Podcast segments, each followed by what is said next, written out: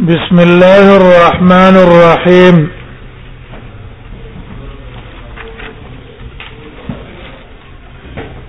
عن ابي هريره رضي الله عنه عن النبي صلى الله عليه وسلم قال من ادرك من الصبح ركعه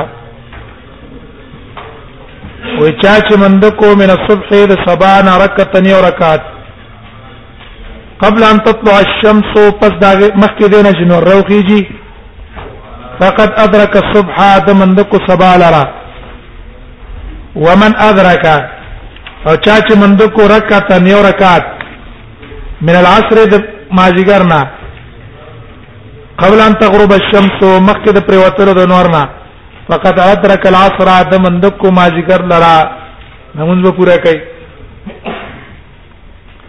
وفي الباب انا عائشه په دې باب کې د عائشه رضی الله عنها نم روایت نقل ده د عائشه رضی الله عنها روایت هم دقه څه ده من ادرک رکعه من العصر من ادرک رکعه من الفجر قبل ان تغرب الشمس ورکعه او بل لکات من دکو پس د سنا پس درا خطل سبانا د نور راکتلونه فقط ادرک الصبح او من ادرک رکعه من العصر قبل ان تغرب الشمس وركعه بعد ما تغرب الشمس فقد ادرك العصر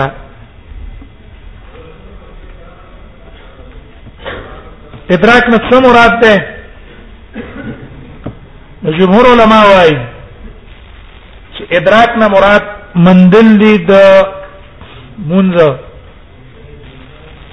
او د حدیث مطلب دا ده چې یو سړی د سار ټیم کې نه پوتړلو مخکې درا خطر د نورنا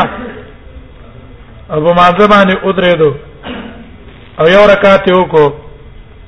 د رکعت نه بعد په د باندې نور راو خطو نو دا د سار مون سیده هغه سر تر سیده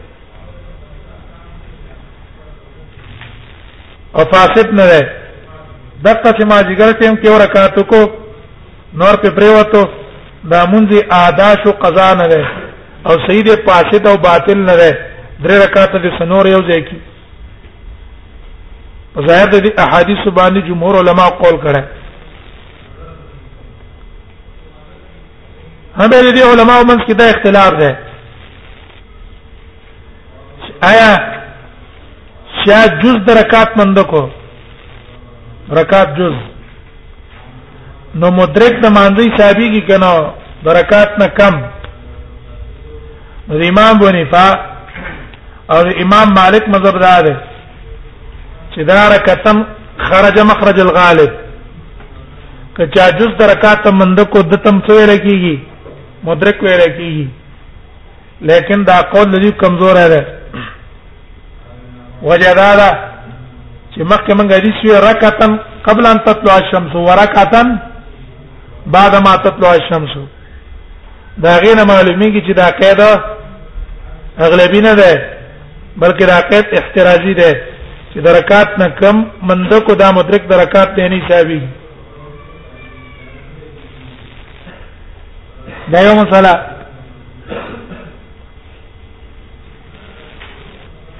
بیا په دې صورت کې چې واخلې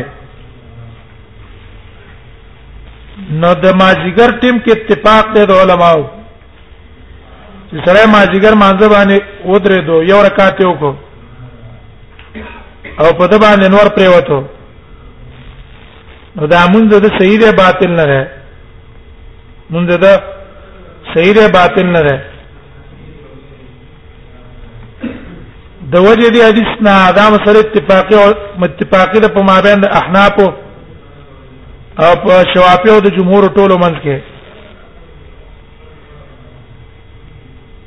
لیکن سار ټیم کې د دې اختلاف ده سار ټیم کې سار ټیم کې سړي او رکعات کو انور پر اوقاتو ایا دا مونږ صحیح ده بل به څه ځای کوي او کنه مونږ باطل شو د سر نه وبې ته مونږ راګرځي جمهور علما مونږ صحیح ده یو رکعات به څه ځای کوي د وجه دی حدیث نه من ادرک رکعتن من الصبح چا چې رکعت د سبا نه مند کو یو رکعت د سبا مند کو او ورکعتن بعد ما تطلع الشمس او بل رکعت د سبا را خطون بعد کو نو سجو کی بل رکعت د یو ځای کی ځکه دا مدرک د مانځ شو مونږ صحیح ده دا حدیث باندې قول کړه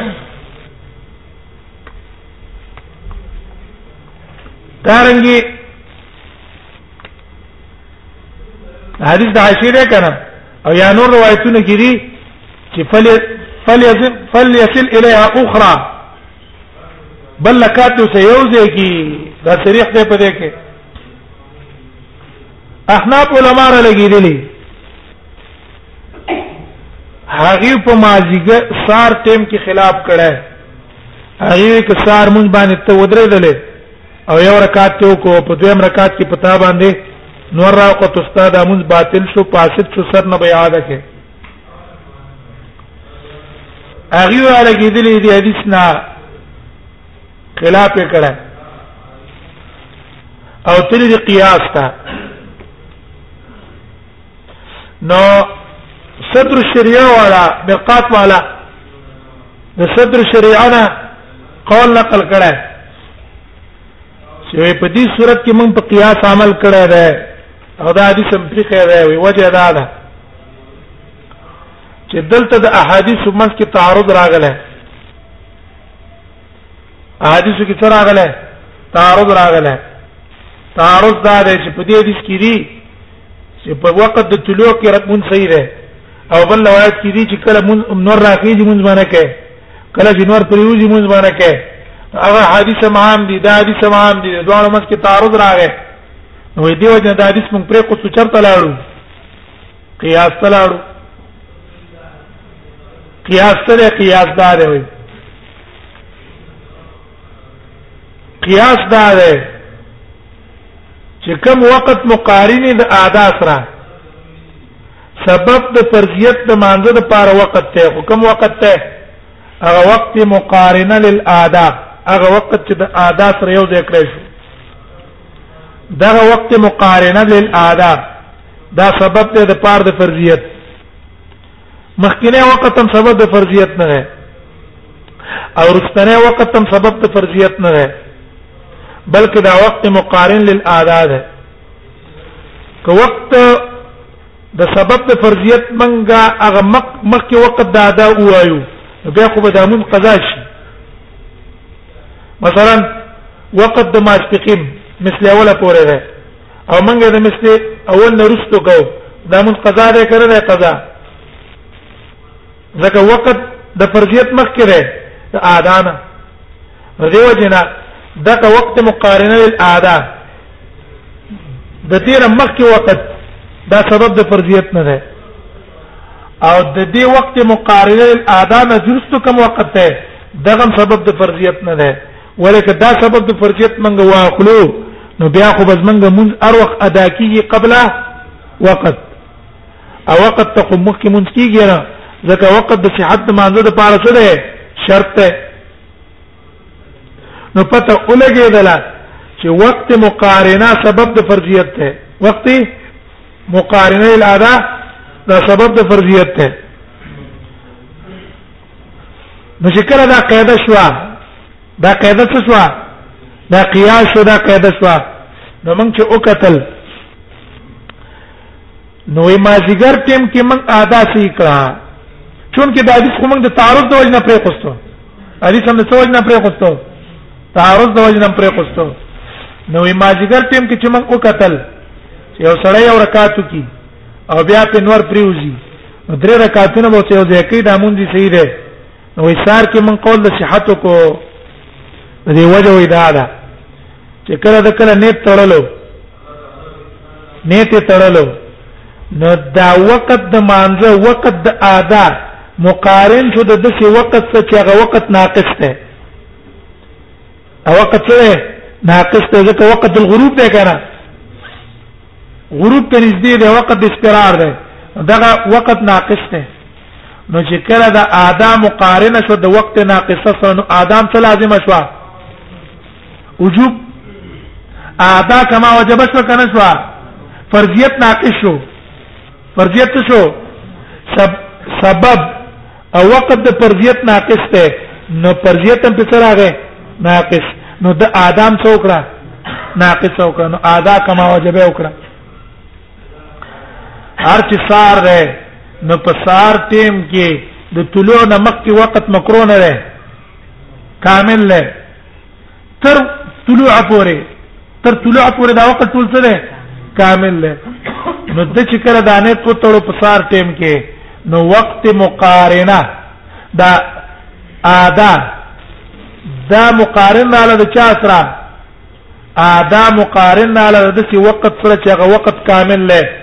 نو وجوبم په د باندې سره راغې کامل راغې نو د چې یو رکعت کو او په دې کې پنور راوخته نو وس اول رکعت کامل شو دا دیم رکعت ناقص شو نو ادا کما وجب رانه لکنه نو دی وجه من قول په څه باندې وکړو قول په بطلان د مانځ باندې وکړو نو چا خو یې د حدیث هم پرې خو تعارض د وجه نه نو تحاوی سے ابراله کېدله هغه چې کتلی دي چې موږ مذهب خو کار د حدیث نه خلاف دی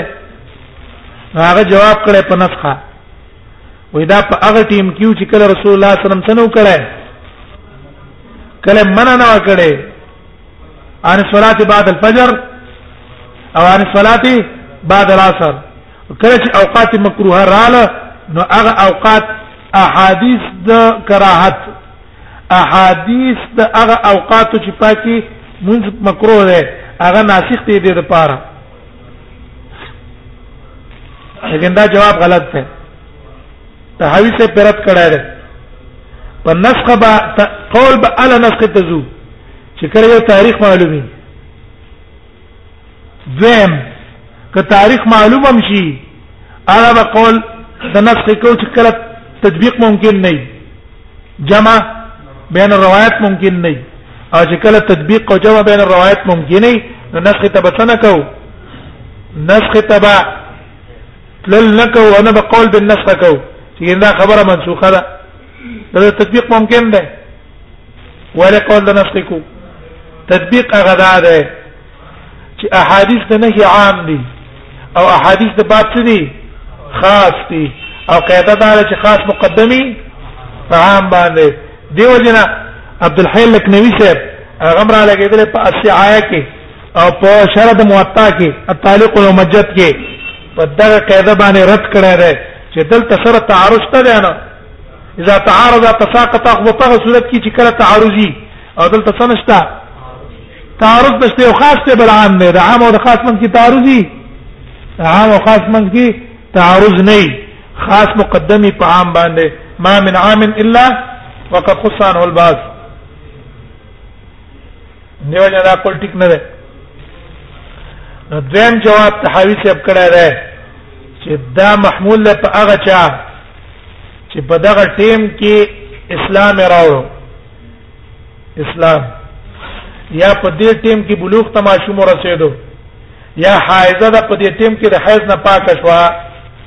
شوه پاک شو په دې ټیم کې د حیض نه نو په دې کسانو باندې اې دا موږ فرض ده کنه رسول الله صلی الله علیه وسلم وی کچا من ادرک رکا په داسې ټیم کې په اسلام کې داخل شو چې د غسل کی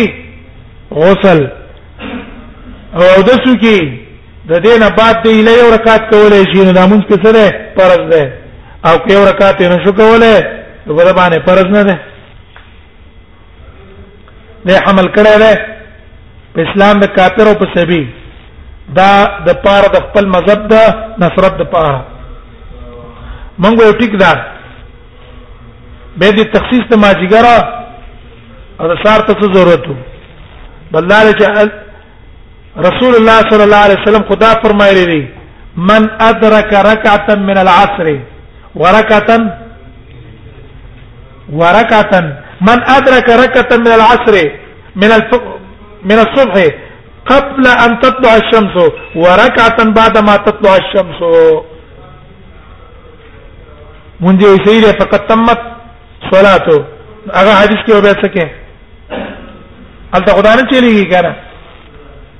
په دې وجنه صحیح قول دا پکار دی چې احناف مذهب په دې کې کمزور دی احناف مذهب په کې څه دی په دې باب کې کمزور دی هم بیا ټیک ده من ادرک رکعتن دغه کسانو ته شامل ده که دغه کسان اهل د مانزه وګرځیدل او یو رکعت من د کولای شو نو دی بچ کوي یو رکعت بکای به ظاهر د حدیث نه سار مراد ده سار او ماجګر ذکر ده لیکن که ماسپخین ټیم کې تا یو رکعت کو او په دویم رکعت تر پاتې د مثل اول ختم شو یا ما قسطن کې در باندې سبار او خطو یا ما خام کې در باندې شفق پریوتو او یو رکعت دې کړو نو هم تا ته مدرک ویل کیږي مدرک ته ویل کیږي ولی بل روایت د بخاری کې راځي من ادرک من ادرک رکعه من الصلاه التعام ده کنه من ادرک رکعه من الصلاه نو دا حکم د ټول منځونو ده هغه ته شامل دی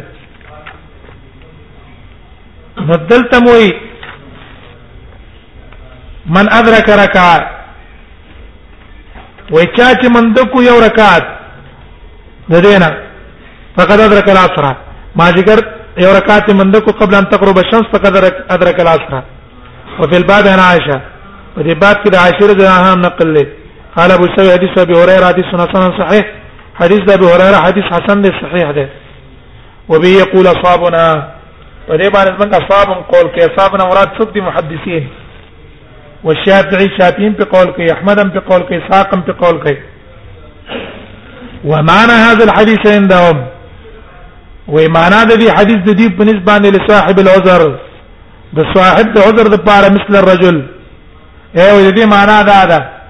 یو معذور سړی دی لکه یو سړی دی یا نام عن الصلاه مانځنه ود پاتې شوی او ينسى حياتي ارشوه ده فيستيقظ وريق شو ويذكر عند طلوع الشمس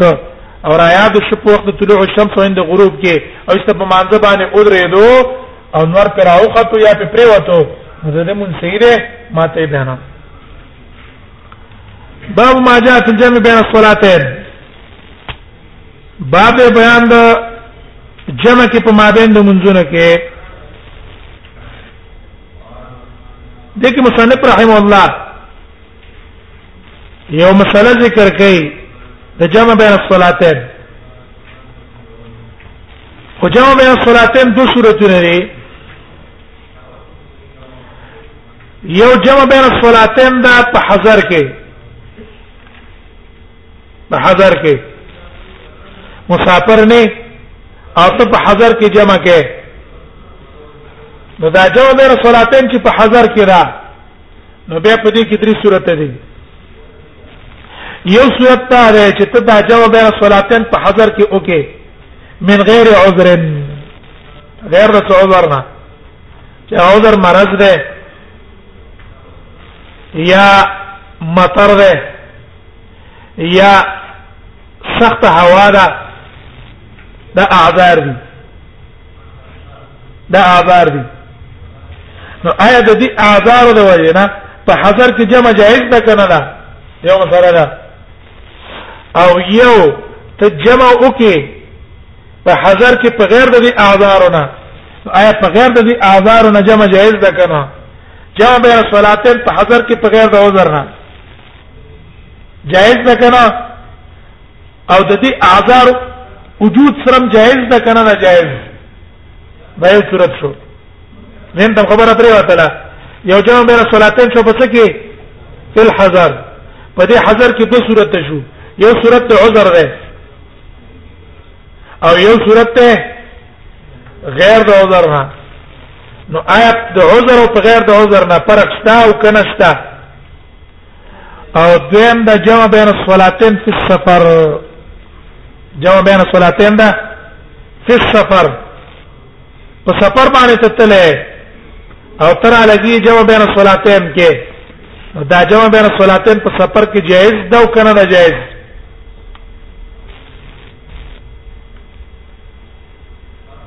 او دا غي دلایل نو اوس مصنف رحم الله اوله جمع ذکر کړي چې هغه جمع ده په حضر کې جمع ده په حضر کې دیو نه بعض نسخو کې سر قید هم شته باب فی الجمع بین الصلاتین فی الحضر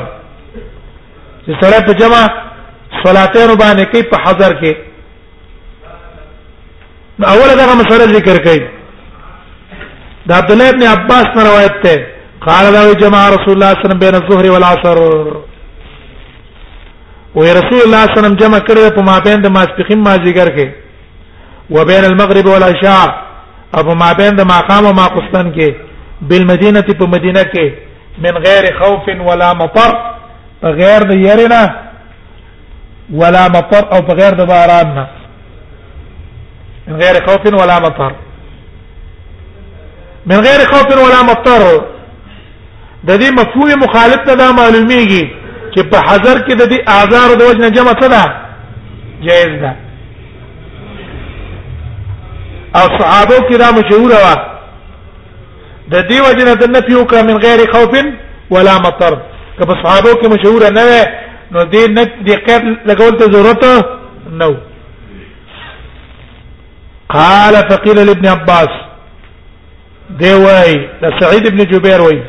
ابن عباس ته ویل شو ما اراده بذلک سی اراده و د نبی صلی الله علیه وسلم په دې جمع قال ویل اراده ان لا تحرج امته اراده دا ولا تحرج امته چې په تکلیف کې وانه چې امت لرا غرض رسول الله صلی الله علیه وسلم دا چې زما امت لرا کله کله په حضر کې هم جمع جائز ده د حاجت ته وجنه اگر که څه عذر نه ده غرض الله تحرج امته او بلکې دې اراد الله يحرج امته بلکې امت ام امته بعض نسخو کې مرفوع ده چې تکلیف کې پرې نوځي امت ته ده وفي الباب عن ابي هريره او په دې باب کې د ابو هريره هونم روایت نقل لري روایت ابو هريره غدا ده چې عبد الله ابن عباس یو ځل بیان وکړ ما جګر ټیم کې او رستي کورستي کورستي کو تر دې چې نور نږدې پر وتلو ته یو تر تویل الصلاه بل تویل الصلاه په دې کې سره ضرور رستو راغی تویل الصلاه منځو کا عبد الله ابن عباس ته غوسه شوی کیره ما در رسول الله صلی الله علیه وسلم منځ کړه ده جمع بین الظهر والعصر ما تقیم ما جګر یو ځای کړو او ما خامه او ما قطنه څه کړو یو ځای کړو نو دا سره راغی دا خبره ابو هريره ته نقل کړه ابو هريره ویل او صدقه ابن عباس ابن عباس رښتیا ویلي اوس ظاهر د حدیث ته معلومیږي چې ګور رسول الله صلی الله علیه وسلم په حضر کې په مدینه کې جمع بین صلاتین کړی دا جمع بین صلاتین کړی دا په حضر کې په غیر د څه عذر نه نه باران شته نه خوف شته نه مرشته نو اوس مسله اختلافي ده دا چې آیا د مقیم سړي د پاره جمع کول کله کله کله جمع وکي او ما بین د دې منځونو کې خو په شرط د دې چې دا عادت نه ګرځي ته نه ګرځي عادت نه ګرځي آیا د لپاره دا جمع کول جایز دي کنه نو یو قول د علماو دا ده چې په حضر کې جمع د مقیم سړي لپاره جایز ده په شرط ده دی چې الله يتخذ ذلك عاده عادت به نه ګرځي کله کله کی خیره او دا قول ابن سیرین نه نقل له د ربيعه نه نقل له د اشهب نه نقل له او د ابن المنذر نه نقل له او خطابی صاحب دا قول نقل کړی دی ان جماعت من اصحاب الحديث ان جماعت من اصحاب الحديث د بعض محدثین هم دا قول نقل کړی او په ظاهر د حدیث باندې دا استدلال نه ولا چې ګوره رسول الله صلی الله علیه وسلم وې جمع کړی د بین الظهر والعصر وبين المغرب والعشاء ومدينه کې بالمدينه من غير خوف ولا مطر غير د خوف او د مطر نه لیکن جمهور علما د دې نه په غیر اغي علما قائل د جمع نه دي اغي وي جمع په حذر کې په غیر د عذر نه جمع په حذر کې په غیر د عذر نه چې هغه عذر کم یو دی یا مطر دی یا مرض شدیده دی یا سخت هوا ده الريح البارده د دې اعذارونه په غیر د دې اعذارونه په غیر جمع په سفر کې جایز نه ده نو چون کې دا حدیث د دې جمهور د مذهب نه خلاف ده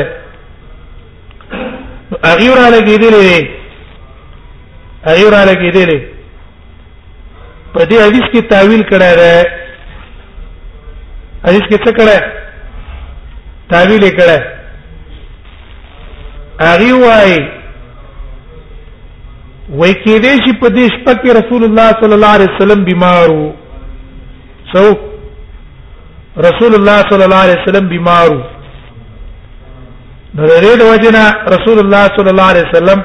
دا مونږ کړه لیکن دا تعویل هم صحیح نه ده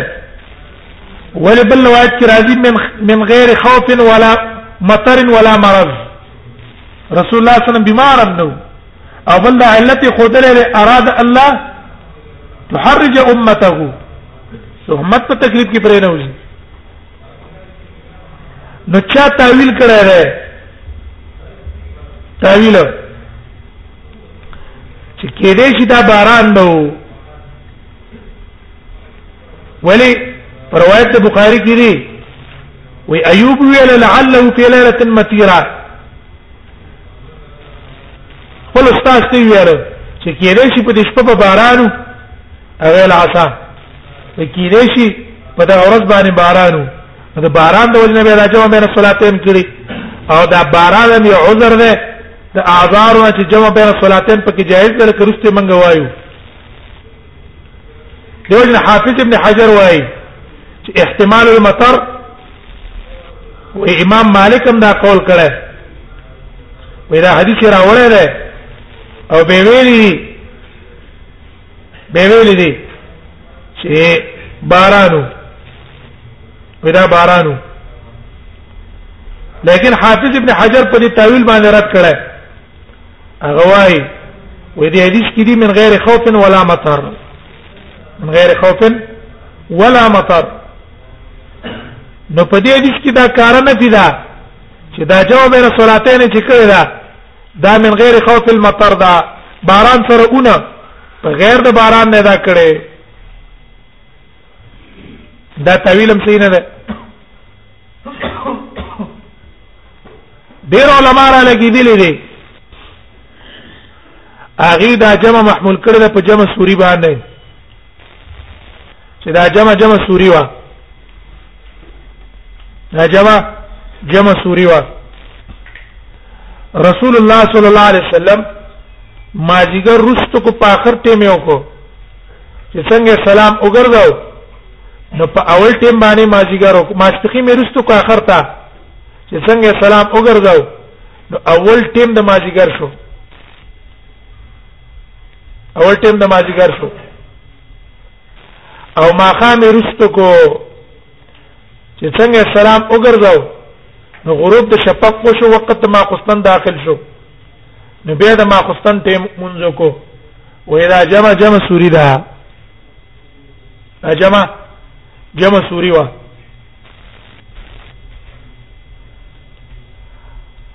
او دی احتمال لا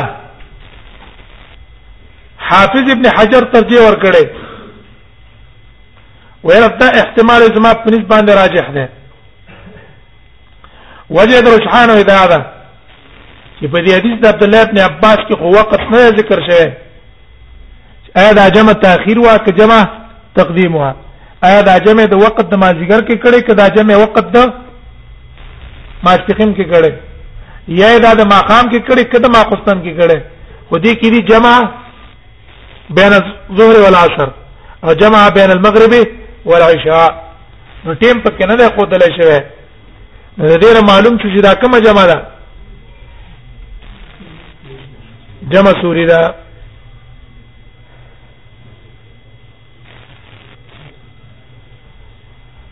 او شوکانی صاحب را لګیدل دی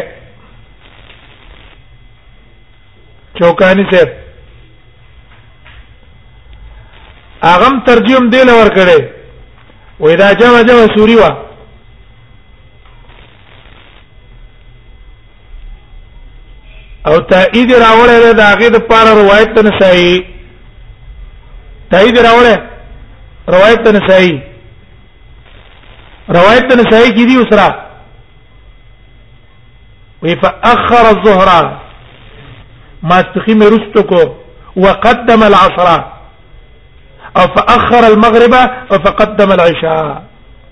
و اذا اغه روایت نه معلوم شو چې دا جمع جمع سوري وا دا جمع جمع سوري وا دی علماء دې له ترجیح ور کړې لیکن اول قول والا اغي ویلي چې دلته خو حدیث کې دا دي چې الله يحرج امته رسول الله صلی الله علیه وسلم دا کار ولې کړی د لپاره چې امت په حرج او په تکلیف کې پرې نه وځي او جمع سوري کې څه شی دی او حرج دی به حرج دی نو دیو جن وای کې کله کله وکړې شو او عادت سره نه ګرځي دا جایز ده بس په دې ځینو